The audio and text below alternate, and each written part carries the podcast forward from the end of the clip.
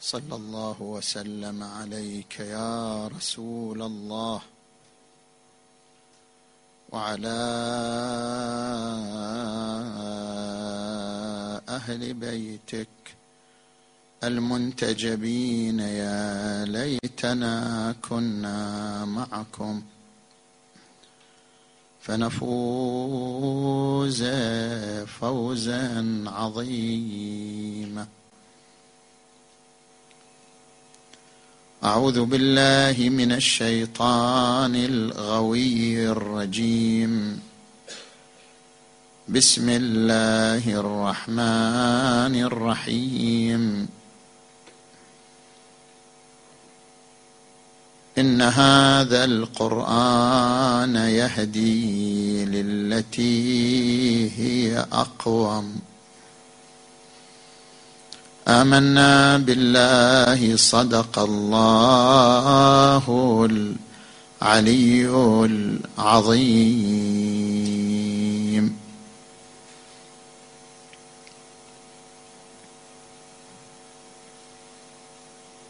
كان المفترض أن تكون هذه الليلة ليلة حوار مفتوح. حول المحاضرات السابقة. ولكن حيث لم يتهيأ الظرف لذلك فالأسئلة التي جاءتني حول المحاضرات السابقة فرزتها وانتخبت منها بعض الأسئلة الرصينة وقسمتها على أربعة محاور. نتحدث في كل محور عن مجموعة منها. المحور الأول ما يتعلق بتفسير القرآن الكريم.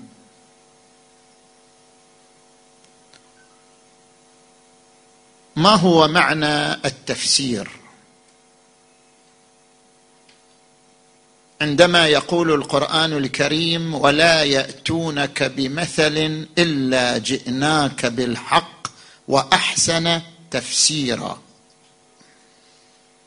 التفسير له معنيان معنى عام ومعنى خاص.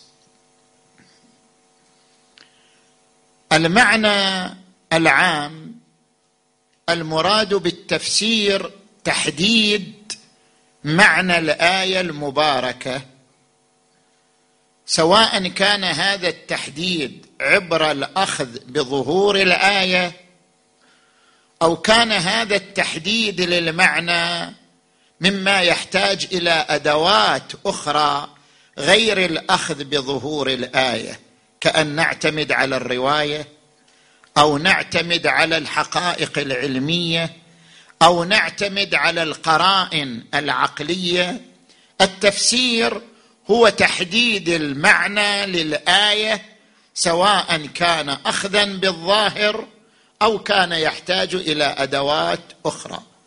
هذا المعنى العام للتفسير. المعنى الخاص للتفسير التفسير هو كشف القناع. كما يعبر الشيخ الطبرسي صاحب كتاب مجمع البيان في تفسير القرآن.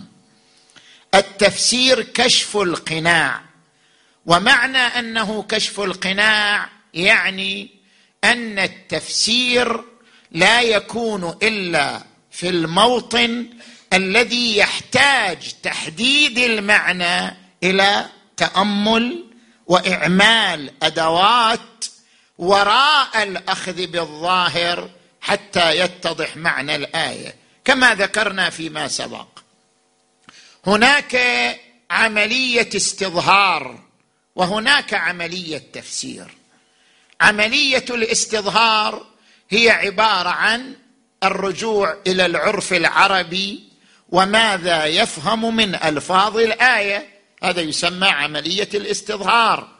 عندما يأتينا قوله تعالى أوفوا بالعقود ماذا يفهم العرف العربي من كلمة العقود؟ يفهم العرف العربي من كلمة العقود المواثيق والمعاملات. حينئذ نحن نفسر العقود بما يفهمه العرف العربي. هذا لا يحتاج إلى تفسير هذا عمل بالظاهر. يعني أخذ بما يفهمه العرب من الآية. أما إذا جاءتنا آية لا يمكن أن نأخذ بظاهرها إما لغموضها وإما لأن ظاهرها ينافي العقل. فهنا نحتاج إلى عملية التفسير. مثلا عندما نقرأ قوله تعالى عالم الغيب فلا يظهر على غيبه أحدا إلا من ارتضى من رسول. إلى الآن واضح. فإنه يسلك من بين يديه ومن خلفه رصدا. شنو معنى يسلك من بين يديه ومن خلفه رصدا؟ ما هو الرصد؟ ما هي حقيقة الرصد؟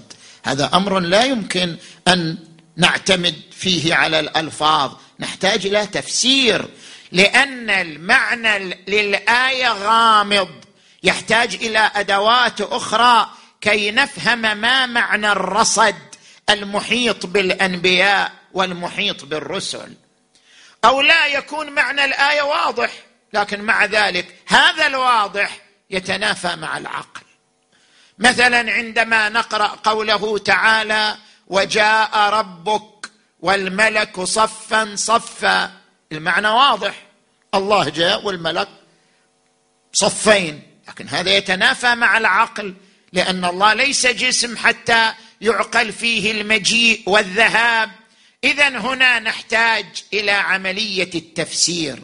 فعملية التفسير هي العملية التي تحتاج إلى استخدام أدوات أخرى والاستظهار هو عبارة عن العمل بما يفهمه العرف العربي من ألفاظ الآية. هذا جواب عن سؤال ورد عن التفسير. السؤال الثاني المتعلق بتفسير القرآن الكريم. ذكرنا أن السيد الطباطبائي صاحب الميزان السيد محمد حسين الطباطبائي صاحب كتاب تفسير الميزان رحمه الله كتاب تفسير الميزان ما زال ما زال في الطليعة ما زال في الرقم الأول من حيث التفاسير الإمامية للقرآن الكريم. ما زال تفسير القرآن في الطليعة. السيد صاحب الميزان قسم العالم إلى عالم خلق وعالم أمر. قال القرآن الكريم هو الذي يدل على هذا التقسيم. القرآن الكريم قال ألا له الخلق والأمر. معناه في خلق في أمر. جاءت آيات ثانية أوضحت لنا معنى الخلق وأوضحت لنا معنى الأمر. جاءت آيات ربطت الخلق بالزمن بالتدرج الزمني. مثلا لقد خلقنا الإنسان من سلالة من طين ثم جعلناه نطفة في قرار مكين ثم جعلنا النطفة علقة ثم خلقنا العلقة مط ثم ثم هذا معناه شنو؟ أن الخلق يخضع للزمن للتدرج الزمني. أو عندما يقول ما لكم لا ترجون لله وقارا وقد خلقكم أطوارا. يعني الخلق مر بأطوار مر بتدرج زمني. من هنا نفهم أن عالم الخلق هو عالم المادة الذي يخضع للبعد الزمني. بينما عندما يأتي القرآن لكلمة الأمر شوف لا فسر كلمة الأمر بالتجرد من الزمن. يقول إنما أمره أن يقول له كن. فيكون. يعني ما في زمن. أو عندما يقول تبارك وتعالى وما أمرنا إلا واحدة كلمح بالبصر. يعني بأسرع من لمح البصر. يعني معناه لا يوجد زمن. اذا الأمر عالم ليس فيه مادة ولا زمن. الخلق عالم فيه مادة وفيه زمن. لذلك عندما نريد أن نطبق هذا التفسير على الروح. روح الإنسان من أي قسم؟ من الخلق أو من الأمر؟ من عالم المادة والزمن أو من عالم متحرر من المادة والزمن؟ من أيهما؟ يقول السيد صاحب الميزان نحن عندما نقرأ قوله تعالى يسألونك عن الروح قل الروح من أمر. ما قال من خلق قال من أمر. من أمر ربي وما أوتيتم من العلم إلا قليلا. نفهم أن الروح ليست مادة ولا تخضع لبعد الزمن بل هي من عالم الأمر. فهناك فرق بين الجسد والروح. الجسد مادة زمنية الروح متحررة من المادة والزمن الروح من عالم الأمر الجسد من عالم الخلق. هذا كلام السيد صاحب الميزان. نحن قلنا في بعض الليالي أن هذا تفسير فلسفي وليس تفسيرا قرانيا.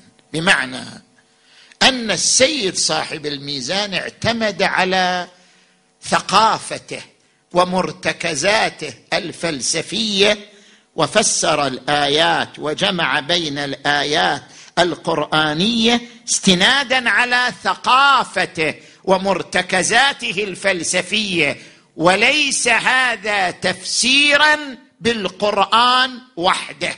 يعني لو اعتمد على القرآن وحده لن يصل إلى هذا التفسير. هذا تفسير فلسفي. أقحمنا ثقافة فلسفية لأن من جملة المفاهيم في الفلسفة أن هناك عالم أمر هناك عالم خلق عالم المجردات عالم الماديات. نحن أقحمنا ثقافة فلسفية في تفسير القرآن. لماذا؟ لاحظوا معي. اولا نحن عندما نقف أمام هذه الكلمات التي ذكرها السيد صاحب الميزان اعلى الله مقامه. نقول اولا هنا يعني عدم تمييز بين المفهوم والمصداق. الآيات التي تحدثت عن الخلق قالت خلق الإنسان خضع لمادة وزمن خلق السماوات خضع لمادة وزمن خلق السماوات والأرض في ستة أيام. زين؟ هذه الآيات تتحدث عن مصاديق للخلق لا عن مفهوم الخلق. هذه الآيات لا تبين أن مفهوم الخلق لا بد فيه من مادة وزمن وإنما ذكرت أمثلة ومصاديق للخلق فيها مادة وفيها زمن. وفرق بين صفات بعض المصاديق وصفات المفهوم. هذه الآيات لا تحدد لنا أن مفهوم الخلق متقوم بالمادة والزمن لا. وإنما ذكرت بعض مصاديق الخلق أن فيها مادة وزمن. فلا بد أن نفرز المفهوم عن المصداق. هذا اولا. ثانيا بعض الآيات عبرت عن الروح بأنها من عالم الخلق. مثلا عندما نقرأ نفس الآية التي قرأناها لقد خلقنا الإنسان من سلالة من طين ثم جعلناه نطفة في قرار مكين ثم خلقنا النطفه علقة فخلقنا العلقه مضغة فخلقنا المضغه عظام فكسونا العظام لحما بعد. ثم أنشأناه خلقا. شنو الخلق الآخر؟ شنو الخلق الآخر؟ هو الروح. اتصال الروح بالجسد عبر عنه القرآن بالخلق ولم يعبر بالأمر. قال ثم أنشأناه خلقا آخر. فتبارك الله أحسن الخالقين. معنى أن النفس الإنسانية أيضا من عالم الخلق. لأن القرآن هنا عبر عنها بالخلق. ثم أنشأناه خلقا آخر. فتبارك الله أحسن الخالقين. يجي واحد يقول لا الخلق هنا بمعنى غير معنى. هذا خلاف الظاهر. الظاهر أن معنى الخلق في القرآن بنسق واحد. الخلق هنا طبقه القرآن على النفس البشرية ثم أنشأناه خلقا آخر. فتبارك الله أحسن الخالقين. زين؟ ثلاثة. إن نلاحظ نفس القرآن يعبر بكلمة الأمر بمعنى الشأن. يعبر بكلمة الأمر بمعنى عالم يسمى عالم الأمر وذلك العالم متحرر من المادة ومن الزمن. لا لا يعبر بالأمر ويريد الشأن. اقرأ قوله تعالى إنا أنزلناه في ليلة القدر وما أدراك ما ليلة القدر. ليلة القدر خير من ألف شهر. تنزل الملائكة والروح فيها بإذن ربهم من كل من كل أمر يعني من كل شأن. ملائكة الحياة ملائكة الموت ملائكة الرزق ملائكة ملائكة كل أمر يعني ملائكة كل شأن. يعبر بالأمر ويريد الشأن. مثلا عندما يقول تبارك وتعالى لاحظوا هذه الآية الشريفة عندما يقول تبارك وتعالى في هذه الآية الشريفة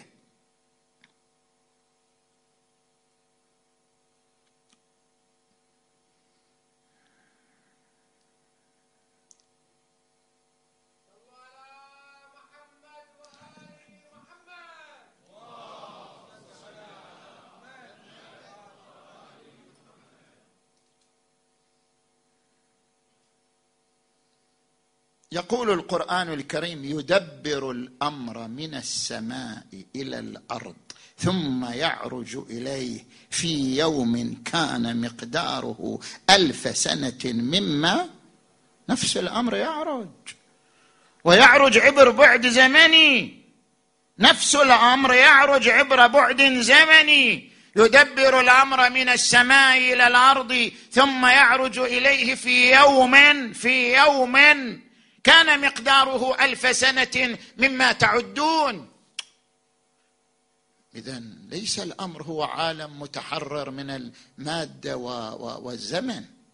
وبالتالي عندما يقول تبارك وتعالى ألا له الخلق والأمر ما في دليل على أنه يقصد عالمين عالم مادة وعالم غير مادي لا. ألا له الخلق والأمر في الخلق. كما تقول أنا لي هذا المكان ولي الأمر في هذا المكان.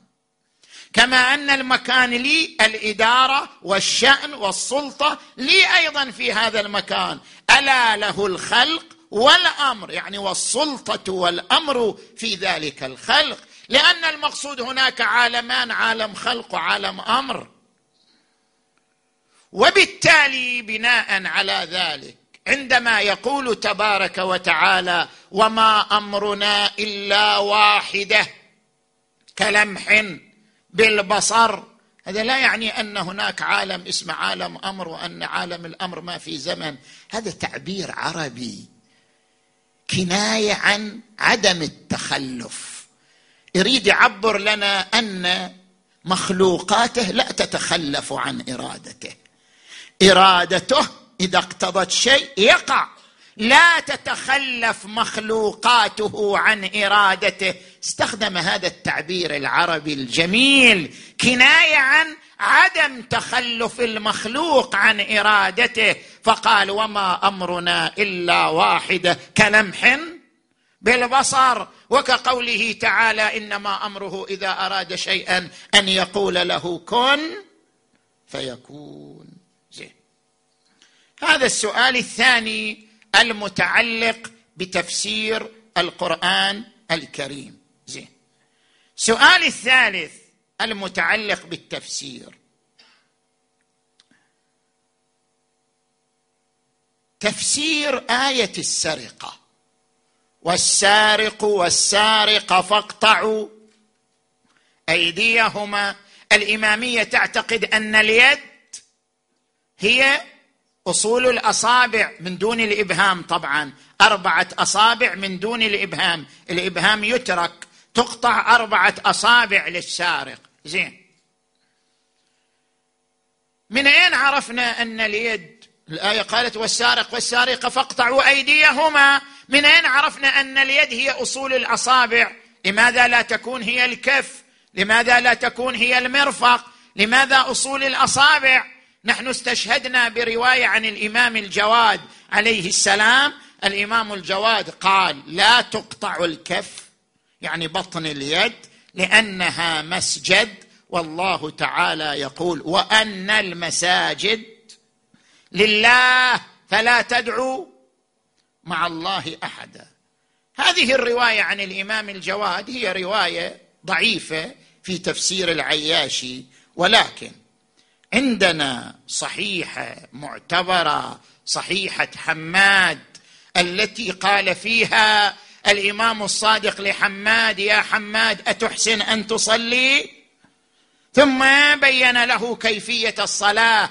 في هذه الرواية قال الإمام الصادق لحماد وهناك المساجد. وهي بين إلى ما هي المساجد. وهي الجبهة والكفان والركبتان والإبهامان. اذا التعبير عن مواطن السجود بالمساجد ورد في رواية صحيحة وهي صحيحة حماد وفي هذه الرواية الإمام الصادق استدل بالآية أيضا وقال وأن المساجد لله فلا تدعوا مع الله أحدا. نعم الشيخ الطوسي شيخنا شيخ الطائفة الشيخ الطوسي رحمه الله إلى تعليق وهو يقول الدليل على أن المراد باليد الأصابع ما هو؟ قوله تعالى في آية أخرى فويل للذين يكتبون الكتاب بأيديهم. والإنسان إذا أراد يكتب يكتب بأي شيء؟ بالأصابع. هذا معناه أن المراد بالأيدي الأصابع لقوله تعالى في آية أخرى فويل للذين يكتبون الكتاب بأيديهم. ممتاز. نجي إلى السؤال الرابع. نحن ذكرنا قبل ليالي ناقشني بعض الأخوة من ناحية فيزيائية جزاه الله خير هو صاحب اختصاص وأنا أعقب على كلامه. نحن ذكرنا هذه الآية المباركة وهي قوله تعالى وأنزلنا الحديد فيه بأس شديد وقلنا إن الحديد يتميز على سائر العناصر ولذلك خصه القرآن بذلك عندما قال وأنزلنا الحديد فيه بأس شديد ومنافع للناس. هناك سؤال ليش يعني الحديد؟ كل العناصر جاءت من السماء؟ لأن القرآن يقول وإن من شيء إلا عندنا خزائنه وما ننزله. كل شيء يعني نزلناه من السماء. ما في شيء طلع من الأرض. كل شيء اجى من السماء. مو بس الحديد. وإن من شيء إلا عندنا خزائنه وما ننزله إلا بقدر معلوم ما في خصوصية للحديد. وقال القرآن الكريم وأنزلنا عليكم المن والسلوى وقال القرآن الكريم وأنزلنا من السماء ماء طهورا فما في خصوصية للحديد. حديد أنزل وغيرهم أنزل. شنو الخصوصية للحديد؟ حتى أنت تذكر أنه من ناحية فيزيائية عنصر الحديد يتميز على غيره من العناصر ولذلك ذكره القرآن الكريم. التفت جيدا لهذه النقطة. صحيح. العناصر جاءت من السماء. من وين جت العناصر؟ عناصر جاءت من السماء. لكن من أين جاءت العناصر من السماء؟ من انفجار النجوم. النجوم العملاقة انفجرت فتكونت العناصر وهبطت على هذه الأرض فتكونت فتكون قوامها في الأرض. طيب ما الذي يوجب انفجار النجوم؟ ليش النجوم تنفجر؟ فيزيائيا لسطوة الحديد عليها. الحديد يمتص الطاقة. الحديد ما يعطي طاقة. العناصر الأخرى تعطيها طاقة تزداد طاقة. الحديد أي طاقة تعطيه يمتصها. لأن الحديد عنصر يتميز بامتصاص الطاقة لذلك الحديد يقتل الشمس. شوف الشمس العملاقة. عنصر الحديد يقتلها يحولها إلى انفجارات نووية متراكمة تتكون منها العناصر. لهذا الحديد له خاصية. لذلك القرآن قال وأنزلنا الحديد وهو أنزلنا وله هذه الصفة. وأنزلنا الحديد فيه بأس بأس. مو الحديد يقطع الخشب هذا شيء هين. مو الحديد يقطع الجسم هذا شيء هين. الحديد يفجر الشمس العملاقة يسطو عليها. وأنزلنا الحديد فيه بأس شديد ومنافع للناس. هذه خاصية الحديد. زين نجي إلى السؤال الرابع حول هذا السؤال الرابع خلصنا. نجي للسؤال الخامس حول تفسير القرآن. نحن ذكرنا في الليالي السابقة ما هو أول مخلوق؟ قلنا علميا أول مخلوق هو هذه الكتلة الغازية.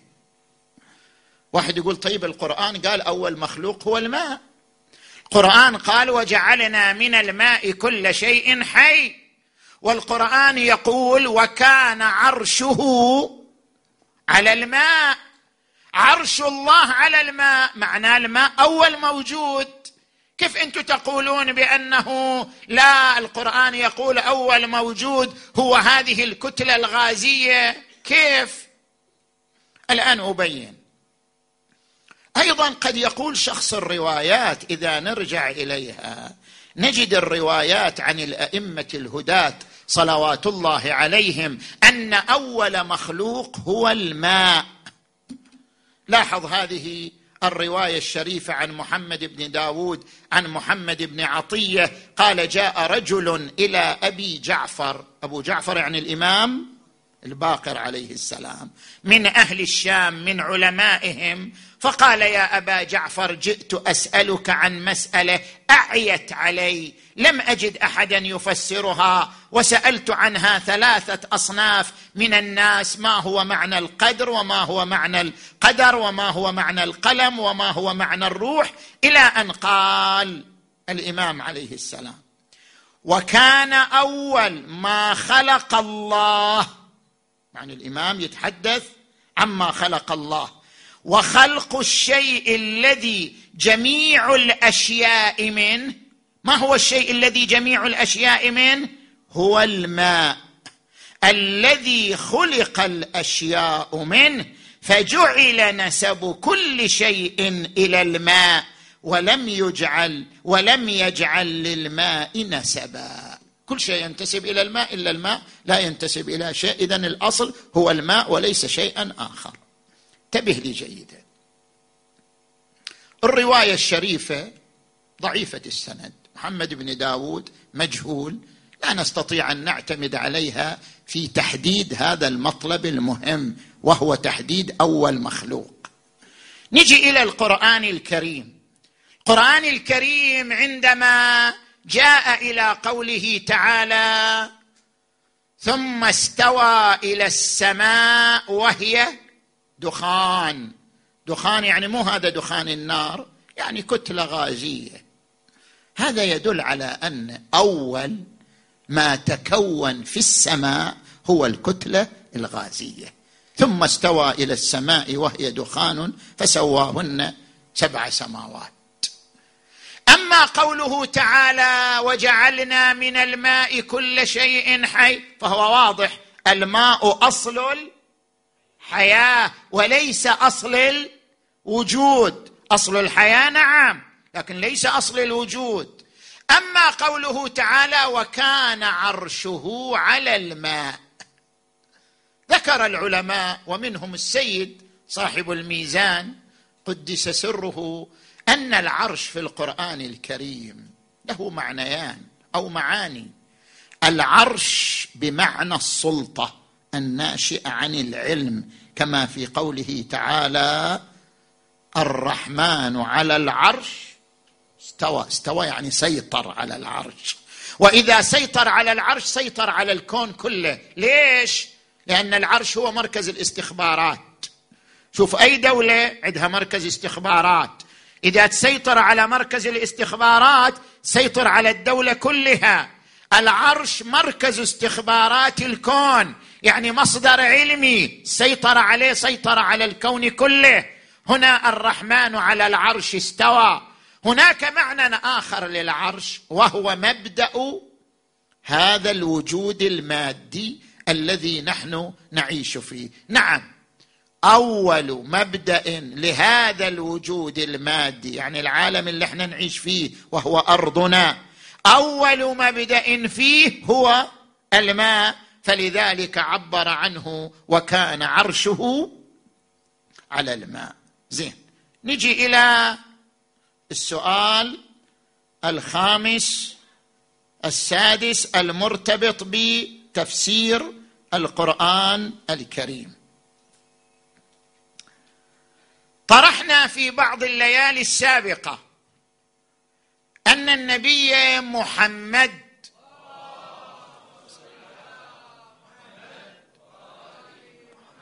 عندما كان في مكة لم يذكر أن إبراهيم بنى الكعبة. لما وصل إلى المدينة ذكر أن إبراهيم بنى الكعبة. إن أول بيت وضع للناس للذي ببكة مباركا. وهدى للعالمين فيه آيات بينات مقام إبراهيم. وإذ يرفع إبراهيم القواعد من البيت وإسماعيل. ليش ما ذكر أن إبراهيم بنى الكعبة وهو في مكة جلس في مكة 13 سنة؟ النبي ما ذكر هذه المعلومة ما ذكرها القرآن إلا بعد أن وصل النبي إلى المدينة. فبعض المستشرقين يقول لك ها هو ما عنده دين سماوي. هو أراد أن يثبت أن عنده دين سماوي. فأراد أن يثبت انتماءه لمن؟ لإبراهيم بحجة أن إبراهيم بنى الكعبة والنبي من أهل مكة. اذا إلى انتماء إلى إبراهيم حتى يثبت أن لهذا الدين انتماء سماويا. نحن رددنا عليه في تلك الليلة ذكرنا عدة شواهد مو من القرآن من غير القرآن على أن فعلا من بنى الكعبة وأن هناك نقوشات باللغة الآرامية تثبت أن أول من بنى الكعبة إبراهيم الخليل عليه وعلى نبينا وآله أفضل الصلاة والسلام قبل أن يولد موسى وقبل أن يولد عيسى باللغة الآرامية اللي تفرعت منها اللغة العبرية واللغة السومرية وغيرها. اذا هذه نقوشات تذكر ذلك مو فقط القرآن يذكر ذلك ولكن بغض النظر عن هذا نحن ليش ذكرنا هذا؟ مسألة مسألة ترتبط بالدين ما ترتبط ببناء الكعبة. لماذا ذكرنا هذه المسألة؟ ذكرنا هذه المسألة لا لموضوعية في بناء إبراهيم للكعبة. لا. إنما قضية بناء إبراهيم للكعبة هي صارت مبدأ للحنيفية وهي ملة إبراهيم الخليل. بدأت الحنيفية تنتشر في الجزيرة العربية بعد بناء إبراهيم للكعبة واستمرت الحنيفية في مكة والحجاز ومن ي... وما يتبعها لذلك يقول القرآن إن أولى الناس بإبراهيم للذين تبعوه وهذا النبي الأمي. يعني هذا النبي أيضا على ملة إبراهيم من أتباع. إبراهيم ينتمي إلى إبراهيم. ثم ذكرنا في نفس المحاضرة أن الدليل على أن الدين سماوي هو القرآن الكريم. وجامعية القرآن الكريم. القرآن الكريم جمع أبعاد لم يجمعها كتاب سماوي. جمع البعد التاريخي والبعد التشريعي والبعد التربوي والبعد القانوني والبعد العلمي. لم يات كتاب سماوي جمع هذه الأبعاد كما جمعها القرآن الكريم. هذا هو الدليل على أن دين النبي دين سماوي وأما مسألة بناء إبراهيم للكعبة ذكرناها من أجل بيان أن الحنيفية التي انتشرت في الجزيرة العربية وكان النبي على تلك الحنيفية هي بدأت من بناء إبراهيم عليه السلام للكعبة المشرفة. صلوا على محمد وآل محمد.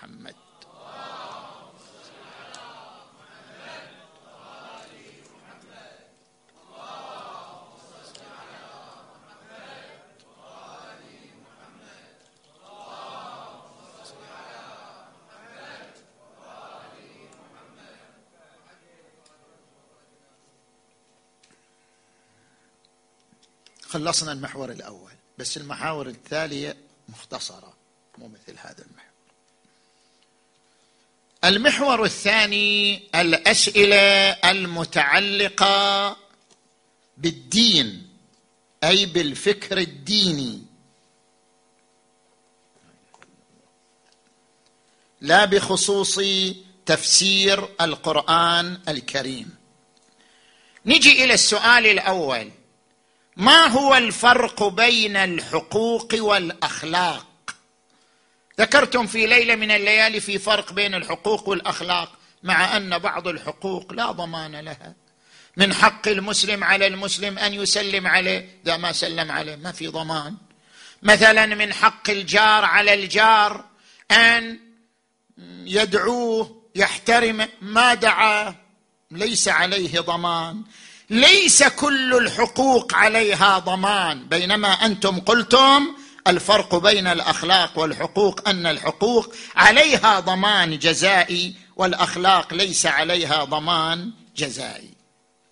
الجواب هناك فرق بين الآداب والأخلاق والحقوق والأحكام. يعني عندنا أربع مفردات لا بد أن نفرق بينها. أما الآداب آداب الطعام آداب احترام الضيف آداب السلام على المسلم هذه آداب يعني مستحبات راجحة في الشريعة الإسلامية. هذه لا ربط لها بالأخلاق والحقوق. هذه آداب. وعندنا الأخلاق. الأخلاق ما يمدحه المجتمع العقلاء أو يذمه. العدل يمدحه المجتمع العقلاء الظلم يذمه المجتمع نسميه أخلاق. الصدق يمدحه المجتمع العقلاء الكذب يذمه المجتمع العقلاء نسميه أخلاق. ما في مجتمع عقلاء ما يمدح الصدق ويذم الكذب ما يمدح العدالة ويذم الظلم. نعم ذكر العلماء أن حسن العدل وقبح الظلم عله تامة.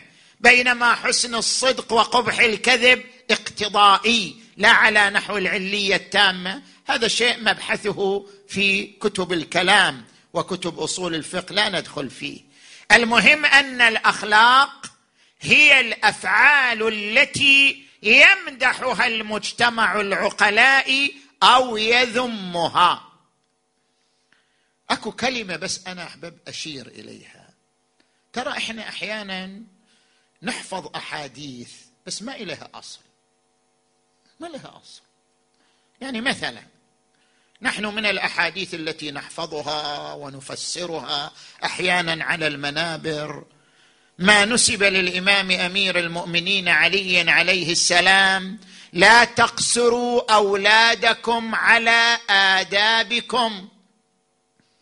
فإنهم خلقوا لزمان غير زمانكم. ما وجدنا لهذا أصل. ما وجدنا إلى أصل. منسوب للإمام علي أما ما إلى أصل.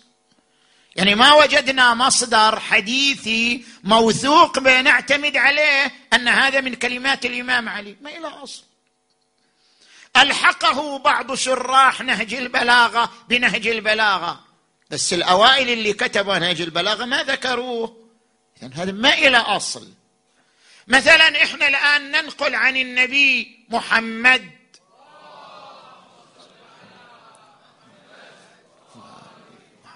ننقل عن النبي تفاءلوا بالخير. ما في إلى أصل هذا. ابدا ابدا هذا أعظم من الأول. أصلا ما إلى أصل لا عند الشيعة ولا عند السنة. كلام لبعض المتصوفة. تفاءلوا بالخير تجدوا ما إلى أصل. بينما هو منسوب إلى النبي صلى الله عليه وسلم. فأكو بعض الروايات أو الأحاديث نتيجة انتشارها شيوعها. نظن أن لها أصل فننسبها إلى الإمام علي أو الرسول صلى الله عليه وآله وليس لها أصل. زين. نجي إلى المفردة الثالثة. المفردة الثالثة الحقوق. إحنا نتكلم عن الحقوق بالمصطلح الفقهي مو عن الحقوق بالمصطلح اللغوي أو الأدبي. الحقوق بالمصطلح الفقهي ما لها ضمان. كل ما له ضمان جزائي فهو من الحقوق. الأمانة إذا فرط فيها الإنسان لها ضمان جزائي فهي من الحقوق. مثلا نفقة الزوجة على الزوج من الحقوق لأن لها ضمان. إذا فرط فيها الإنسان. مثلا حق الإنسان في الحياة له ضمان. لو قتل الإنسان أكو ضمان. كل ما له ضمان جزائي بحسب المصطلح الفقهي. مو بحسب المصطلح الأدبي أو الكلامي بحسب المصطلح الفقهي هو من الحقوق. فيختلف عن الأخلاق. القسم الرابع الأحكام. أحكام شرعية ما لها علاقة. لا بالحقوق ولا بالأخلاق. مثلا يجب احترام الوالدين. هذا حكم شرعي. إذا سلم عليك المسلم يجب رد السلام. هذا حكم شرعي. هذه أحكام شرعية. لا ندخلها لا في الآداب ولا في الأخلاق ولا في الحقوق وإنما تدخل تحت مفردة الأحكام. هذا بحسب المصطلح الفقهي. زين. نجي الآن إلى أسئلة ثلاثة ذكرها بعض الإخوة الشباب. نتعرض إليها بشكل مختصر. هذه الأسئلة الثلاثة تتعلق بالفكر الديني. السؤال الأول. هناك الكثير من منهجيات البحث لإجراء البحوث منها الأكثر منطقية بالنسبة لي هو العقلانية النقدية لكار بوبر. ما هي طريقة الإمامية في مقاربة البحث؟ هذه فلسفة نقدية لكار بوبر. الإمامية شنو عندهم في هذا المجال؟ ما هو الطريق الإمامي في هذا المجال؟ لاحظوا. الفلسفه النقديه في الفكر الإمامي تعتمد على عناصر أربعة. هذا أي باحث يريد يكتب يكون يركز على هذه العناصر الأربعة. العنصر الأول منهجية البحث. منهجية البحث. اولا تحرر ما هو محل البحث. ثانيا تحرر ما هي ما هو تاريخ البحث. ثالثا تحرر نتائج هذا البحث.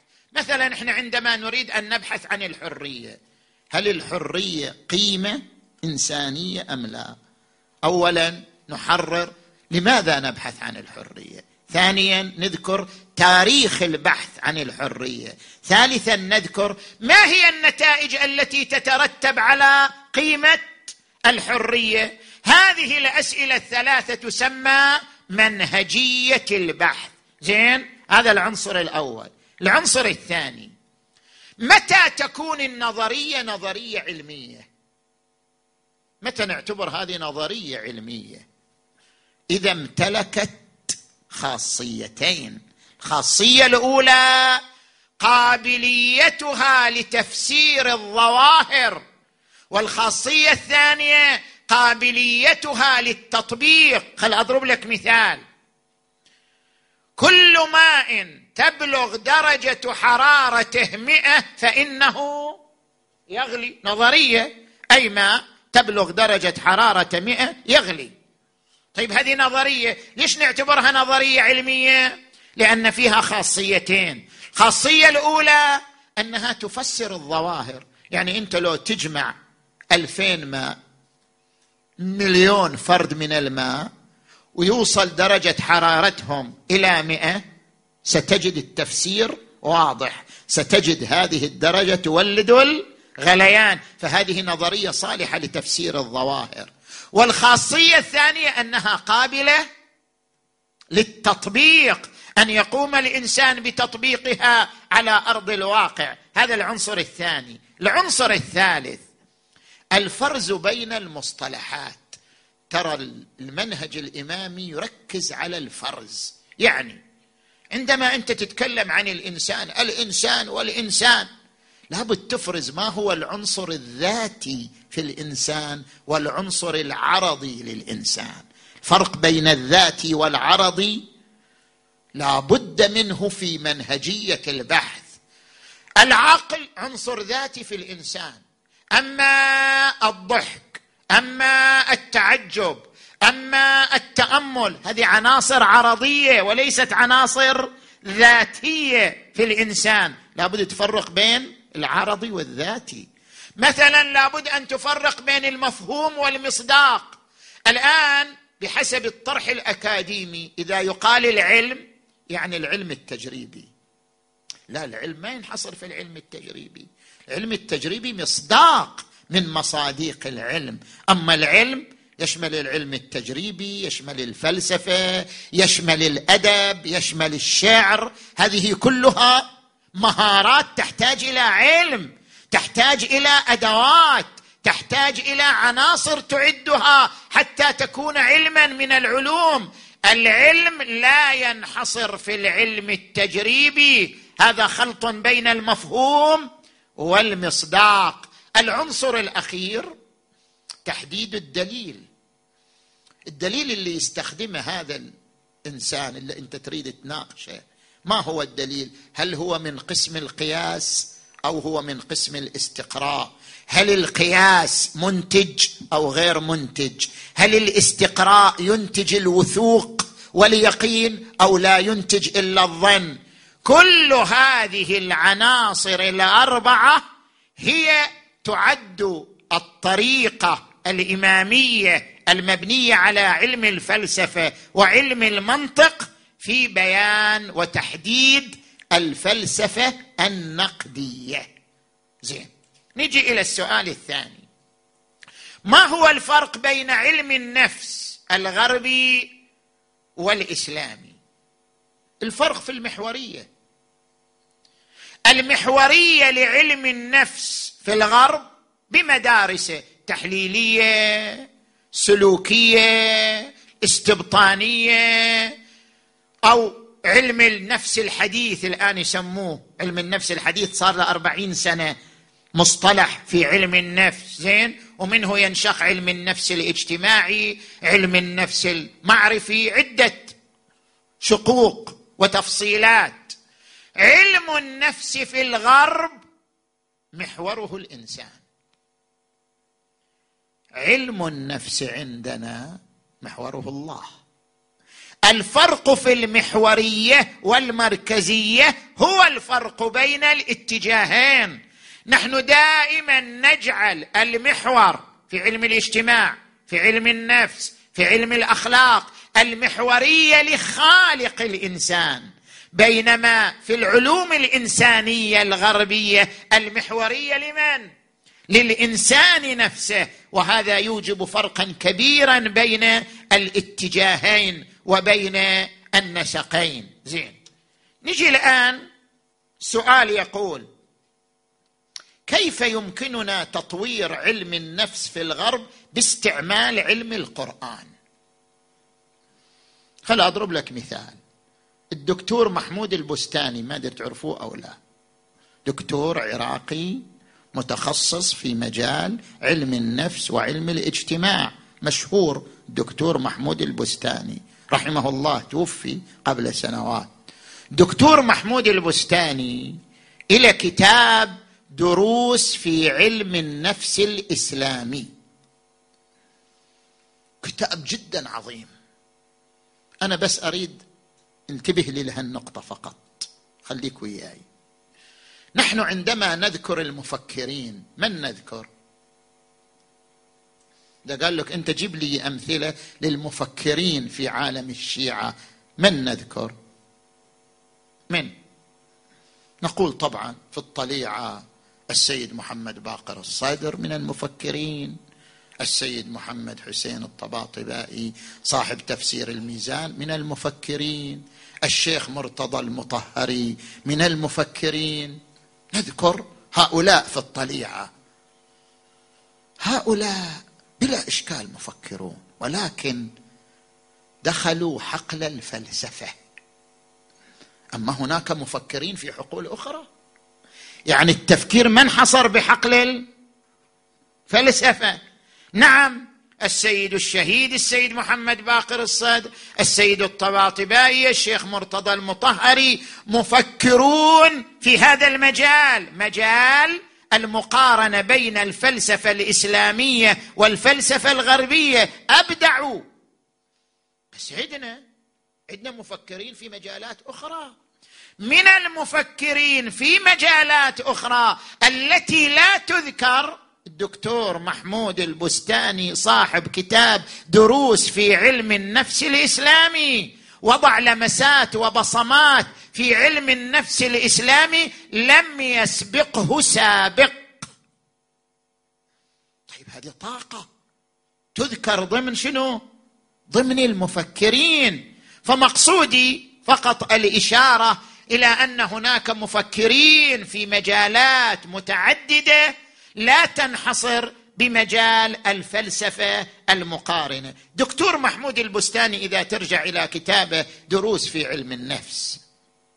طبعا يناقش المدرسة التحليلية يناقش المدرسة السلوكية ويتحدث عن المدرسة الإسلامية في هذا المجال مجال علم النفس. يذكر أن من الحاجات الأساسية التي أطبق عليها علماء النفس. ما هي أهم الحاجات الأساسية التي أطبق عليها علماء النفس؟ حاجة الإنسان إلى الانتماء. يحتاج ينتمي الإنسان إلى أسرة. لولا الانتماء يشعر بالخوف والقلق. حاجة الإنسان إلى الحب. لو لم يشعر بالحب يصاب بماذا؟ يشعر بالنقص. فيتراجع. حاجة الإنسان إلى التقدير أن تقدر جهوده أن تقدر مشاريعه. لو لم تشبع هذه الحاجة يشعر بالإحباط. اذا هناك حاجات ثلاث الحاجة إلى الحب حاجة إلى التقدير الحاجة إلى الانتماء. ارجع إلى كتاب دروس في علم النفس. يثبت الدكتور محمود البستاني أن العلاقه مع الله تشبع هذه الحاجات الثلاث بلا شيء آخر.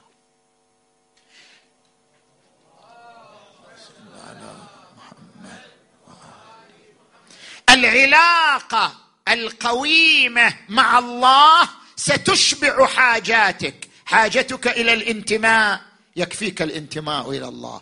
حاجتك إلى الحب يكفيك الحب المتبادل بينك وبين الله. إن كنتم تحبون الله فاتبعون يحببكم الله. حاجة الإنسان إلى التقدير تشبعها العلاقة مع الله. إنما يوفى الصابرون أجرهم بغير حساب. طبعا هو يشبع البحث بحث علمي راجع حتى يتبين الفرق بين علم النفس الإسلامي وعلم النفس في طرف آخر. زين. سؤالي الثالث أنا أكتب بحثا حول دمج المفاهيم الروحية في التدريب الرياضي. أنت مدرب رياضي.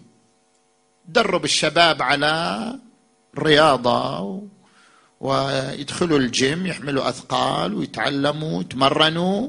زين؟ شنو علاقة المفاهيم الروحية؟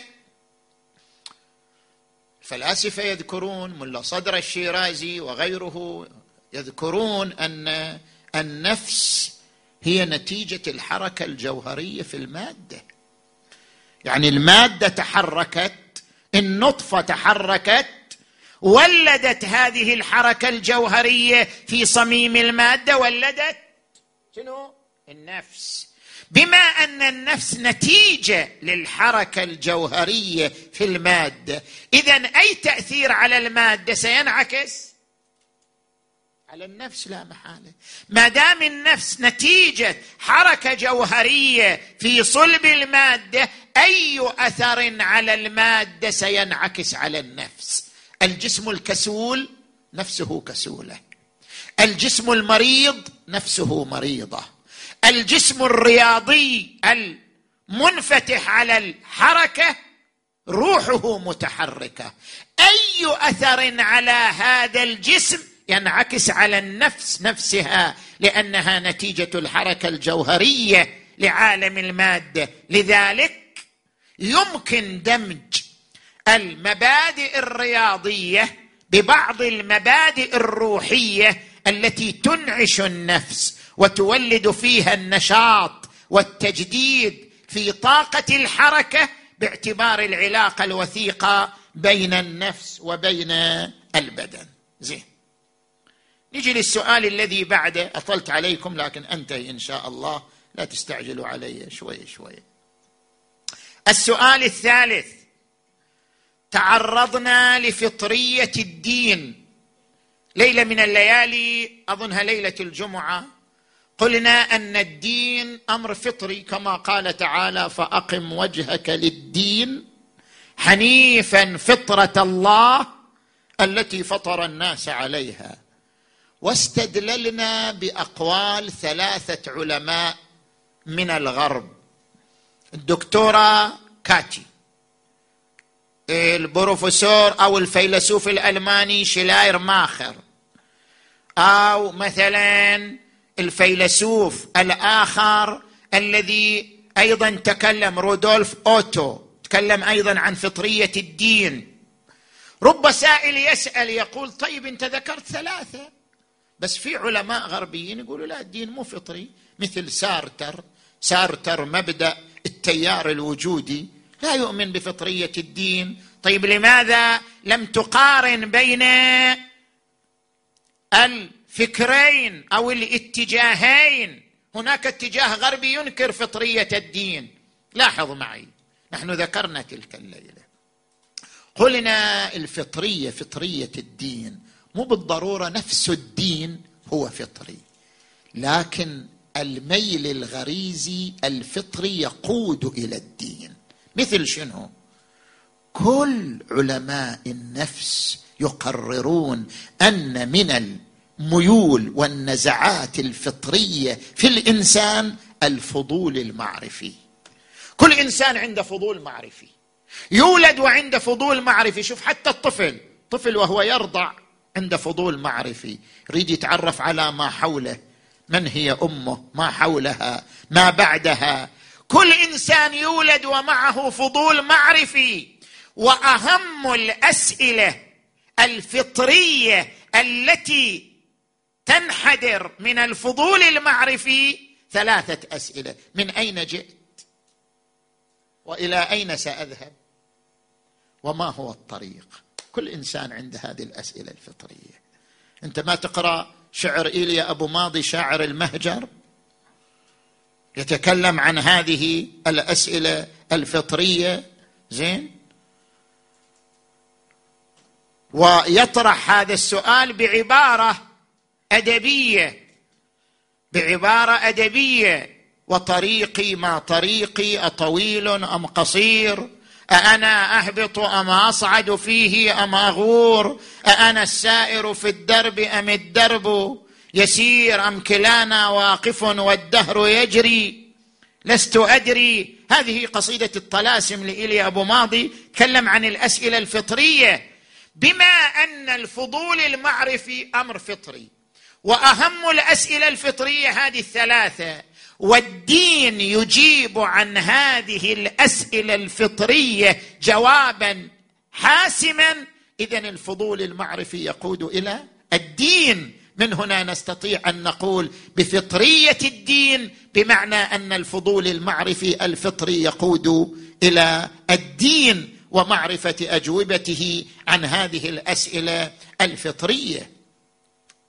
أو عندما مثلا نقول أن من الأمور الفطرية في الإنسان عشق الجمال. في واحد ما يعشق الجمال. والجمال درجات جمال الصورة جمال الطبيعة جمال الأخلاق جمال المعاني. كلما تطورت في الجمال ستصل إلى أعلى درجات الجمال وهو الجمال المطلق. الجمال اللا محدود وهو الله تبارك وتعالى. عشق الجمال يقودك إلى الجمال المطلق اللا محدود وهو الله تبارك وتعالى. زين. بقي سؤال واحد وأختم. السؤال دائما تعبرون عن الغرب بأنه حضارة تقولوا الحضارة الغربية. ليش؟ ماكو حضارة في الغرب. أكو مدنية ماكو حضارة. فرق بين المدنية والحضارة. لا في الغرب في حضارة. شلون؟ أنا أبين لك الآن المصطلح المصطلح الأكاديمي في الفرق بين الحضارة والمدنية ينطبق على الغرب.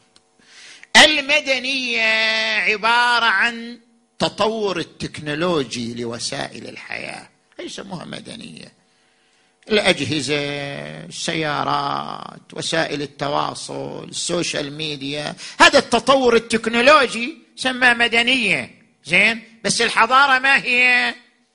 الحضارة هي التي تعتمد على أركان أولها الاقتصاد.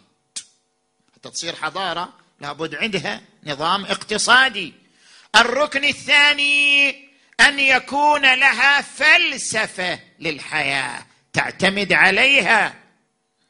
والركن الثالث أن يكون لها منهج بناء. كيف تبني؟ كيف تبني مجتمعها؟ كيف تبني ثقافتها؟ عندها منهج في البناء منهج إداري.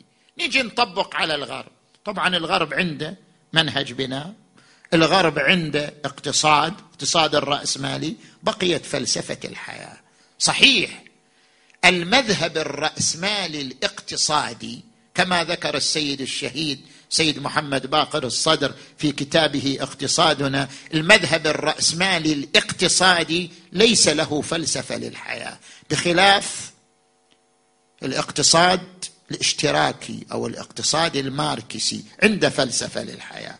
المذهب الرأسمالي ما عنده فلسفة ولكن الآن الغرب لا يعتمد على المذهب الرأسمالي كأس للحضارة وإنما يعتمد عليه في المجال الاقتصادي فقط. أما الحضارة الغربية فهي قائمة على فلسفة اللبرله والحداثة وما بعد الحداثة. أنت إذا تقرأ الغرب من خمسة قرون إلى الآن تكتشف أن الغرب اعتمد في مسيرته على فلسفة للحياة وهي فلسفة ما قبل الحداثة والحداثة وما بعد الحداثة التي أنتجت اللبرله ونتيجة الليبرالية الآن يدخل الغرب في تجاوز الخطوط الإنسانية الحمراء لأنها نتاج فلسفة اللبرله بحسب نظره. اذا الغرب عنده اقتصاد عنده فلسفة للحياة عنده منهج للبناء فهو حضارة بحسب المصطلح الأكاديمي. نعم الإسلام أيضا حضارة وله مرئيات ومنهجيات أخرى فلا بد من المقارنة بين الحضارتين. أختم الآن بهذا المحور الرابع وهو سؤال واحد.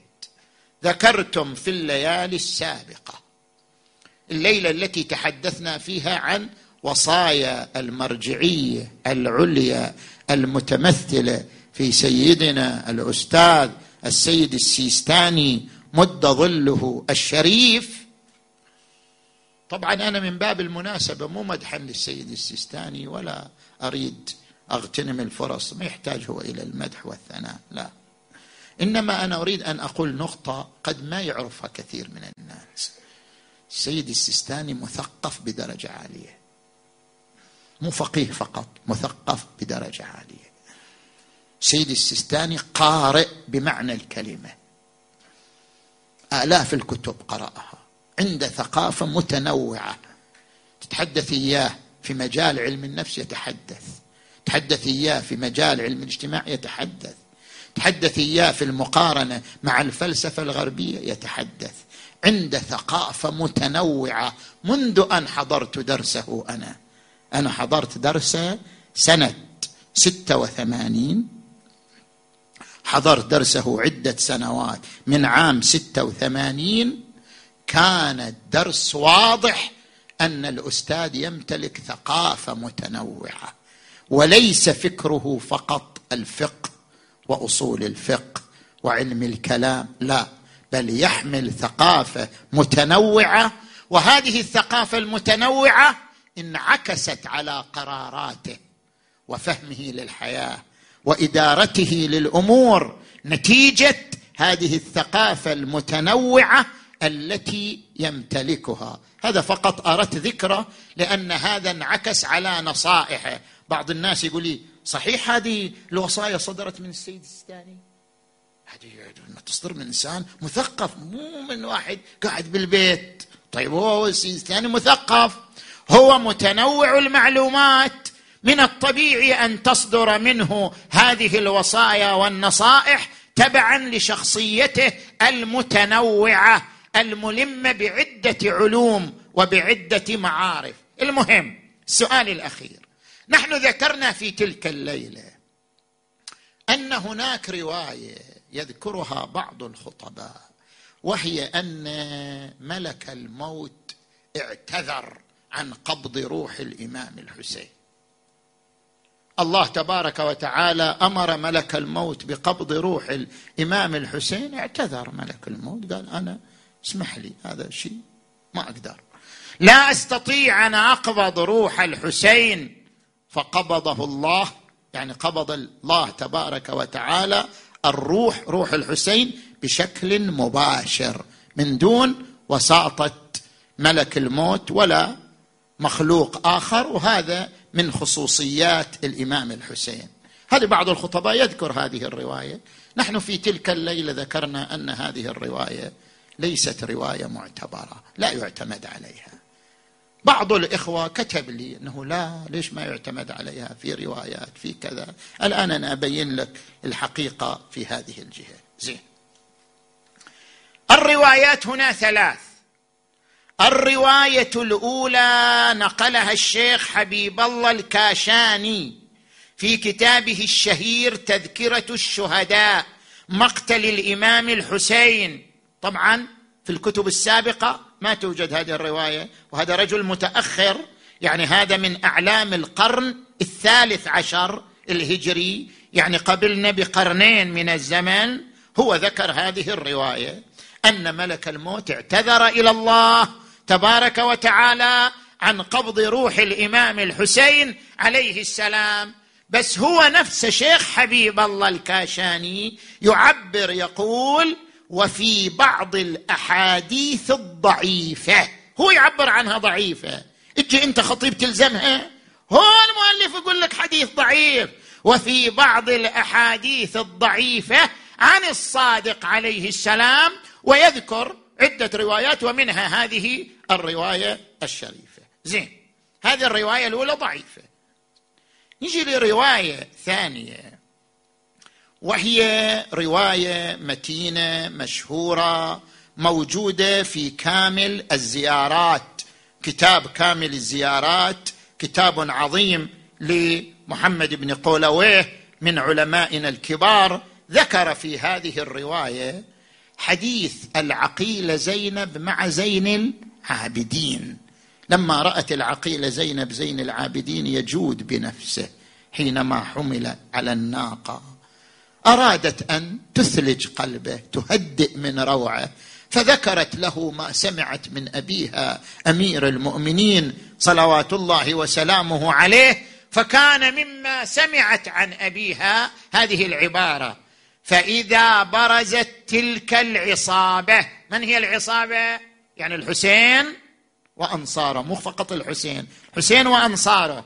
فإذا برزت تلك العصابة إلى مضاجعها يعني برزت للموت إلى مضاجعها يعني إلى الموت. تولى الله عز وجل قبض أرواحها بيده. يعني الله تولى قبض كل العصابة مو فقط الحسين تولى قبض أرواحها بيده. وهبطت إلى الأرض ملائكة من السماء السابعة معهم آنية من الياقوت والزمرد مملوءة من ماء الحياة وحلل من حلل الجنة وطيب من طيب الجنة فغسلوا جثثهم بذلك الماء وألبسوها تلك الحلل. زين. هذه الرواية الشريفة المنقولة عن زائدة أغلب رواتها مجاهيل. لا توثيق لهم. أغلب رواتها مجاهيل لا توثيق لهم. وإن كانت مروية في كتاب عظيم وهو كتاب كامل الزيارات. زين. الرواية الثالثة ذكرها صاحب كتاب مئة منقبة من مناقب أمير المؤمنين. كتاب اسمه مئة منقبة من مناقب أمير المؤمنين. صفحة ثلاثة وثلاثين. قال حدثني إبراهيم بن محمد قال حدثني إلى أن. يقول عن مجاهد عن ابن عباس قال سمعت رسول الله صلى الله عليه وآله يقول لما أسري بي إلى السماء لما عرج إلى السماء لقي من؟ لقي إسرافيل وميكائيل ولقي من أيضا؟ ملك الموت عزرائيل. لما التقى الرسول بملك الموت ملك الموت قال للرسول قال ما خلق الله تعالى خلقا إلا وأنا أقبض روحه بيدي. ما في خلق إلا بيدي. ما خلق الله خلقا إلا وأنا أقبض روحه بيدي. ما خلا أنت وعلي بن أبي طالب. فإن الله جل جلاله يقبض أرواحكما بقدرته هذا الرواية إذا بنمشي عليها معناه أن الحسين قبض روح من؟ ملك الموت لأن هذه الرواية حصرت. قالت كل مخلوق أنا أقبض روحه إلا اثنين أنت يعني الرسول وعلي بن أبي طالب. معناه أن الحسين قبض روحه ملك الموت. فهذه الرواية تعارض تلك الرواية التي تقول فلما برزوا إلى مضاجعهم تولى الله قبض ارواحهم بيده. هذه الرواية تعارض تلك الرواية مضافا إلى ضعفها سندا. لا مانع. يعني شوف مثلا القرآن. فعل واحد يسنده تارة إلى الله تارة إلى غيره. مثلا يقول في آية الله يتوفى الأنفس حين موته. ويقول في آية أخرى قل يتوفاكم ملك الموت الذي وكل بكم. ويقول في آية فأوحى إلى عبده. ما أوحى؟ يعني الله هو الذي أوحى إلى النبي. ويقول في آية أخرى نزل به الروح الأمين على قلبك لتكون من المنذرين بلسان عربي مبين. في آية يقول ثم إن إلينا إيابهم ثم إن علينا. حسابهم يعني إياب الخلق إلينا حسابهم علينا. الإمام في زيارة الجامعة يقول وإياب الخلق إليكم وحسابهم عليكم.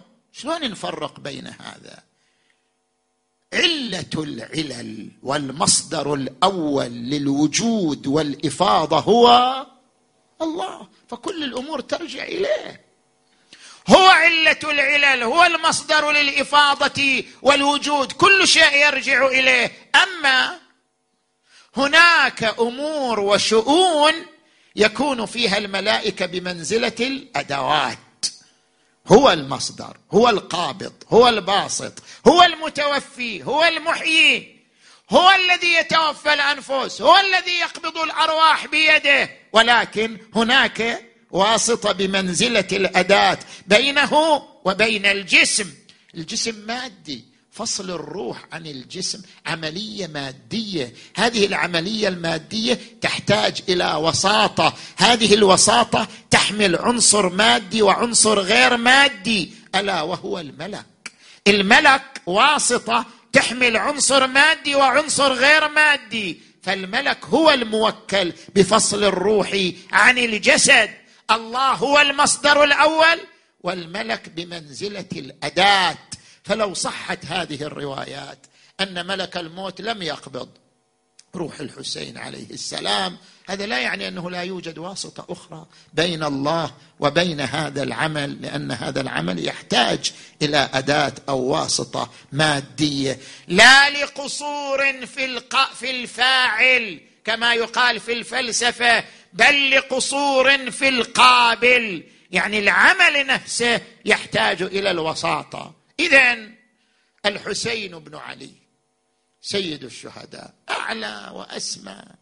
يعني هذا مو كلش يعني واحد يقول والله ملك الموت ما قبض روح الحسين قبضه الله. نعم لو تمت فهي فضيلة. لو تمت هذه الروايات فهي فضيلة. أما الحسين وصل إلى أعلى المراتب. وصل إلى مرتبة الشهادة. قال له جده رسول الله صلى الله عليه وآله كما روى المؤرخون إن لك لدرجة في الجنة لا تنالها. إلا بالشهادة. الحسين وصل إلى هذا المقام العظيم. اسمع شعر ابن العرندس الحلي. يقول إمام الهدى سبط النبوة. والد الأئمة مولى الحق مولى له الأمر وفيه رسول الله قال وقوله صحيح صريح ليس في ذلكم نكر حبي بثلاث. حسين حبي بثلاث ما أحاط بمثلها نبي فمن زيد هناك؟ ومن عمرو؟ له تربة فيها الشفاء وقب يجاب بها الداعي إذا مسه الضر وذرية دريه منه تسعة أئمة حق لا ثمان ولا عشر. ثم يقول أيقتل ظمانا حسين بكربلاء؟ صاحب هالفضائل كلها أيقتل ظمآنا حسين بكربلاء وفي كل عضو من أنامله؟ بحر ووالده الساقي على الحوض في غد وفاطمة ماء الفرات. لها مهر فيا لهف نفسي للحسين. وما جنى عليه غداة الطف في حربه شمر. الحسين نحن قلوبنا مع الحسين. هذه الأيام تستعد الزوار إلى إلى الزحف نحو كربلاء إلى الزحف نحو زيارة الحسين إلى الزحف للمثول أمام قبر الحسين. عليه السلام وأدري أنت قلبك مع الزوار. قلبك مع الزاحفين ها قلبك تريد أن تكون هناك. مع الزاحفين نحو أربعين الحسين الذين يقفون أمام قبر الحسين. قلبك مع هؤلاء كأنك تناديهم وتقول معهم السلام على الحسين. وعلى علي.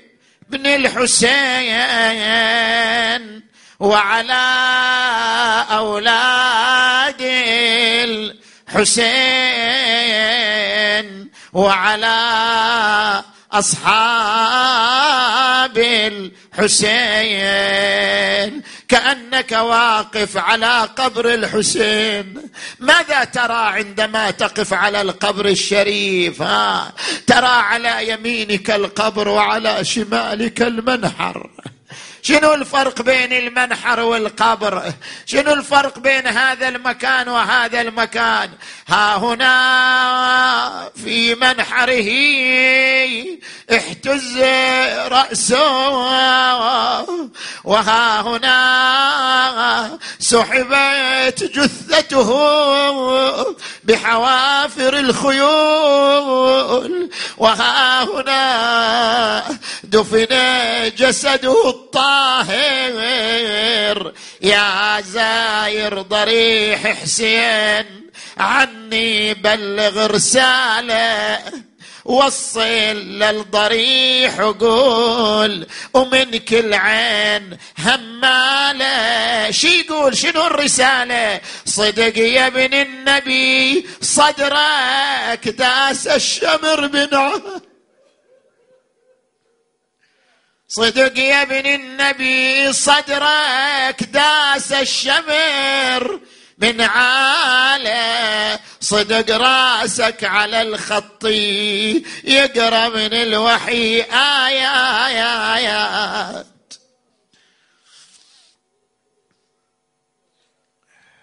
عار تجول عليه الخيل عادية.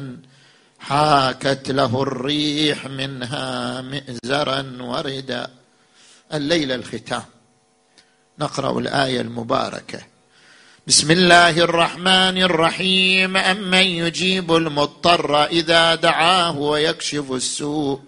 أمن يجيب المضطر إذا دعاه ويكشف السوء. أمن يجيب المضطر إذا دعاه ويكشف السوء أمن يجيب المضطر إذا دعاه. ويكشف السوء أمن يجيب المضطر إذا دعاه. ويكشف السوء اللهم بالحسين الوجيه وجده وأبيه وأمه وأخيه والتسعة من بنيه.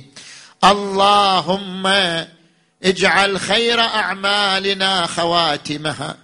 وخير أيامنا يوم نلقاك. اللهم اغفر ذنوبنا واستر عيوبنا وكفر عنا سيئاتنا وتوفنا مع الأبرار. اللهم اشف مرضانا ومرضى المؤمنين والمؤمنات خصوصا المرضى المنظورين. اللهم من سألنا الدعاء له بالشفاء والعافية اللهم اشفه وعافه واشف وعاف مرضى المؤمنين والمؤمنات. واقض حوائجنا وحوائج المؤمنين والمؤمنات وفقنا والمؤسسين والمؤمنين والمؤمنات لما تحب وترضى.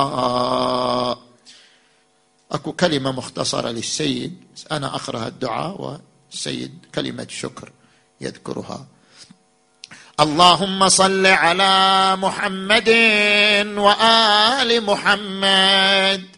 اللهم كن لوليك الحجة ابن الحسن صلواتك عليه وعلى آبائه في هذه الساعة وفي كل ساعة وليا وحافظا وقائدا وناصرا ودليلا وعينا حتى تسكنه أرضك طوعا.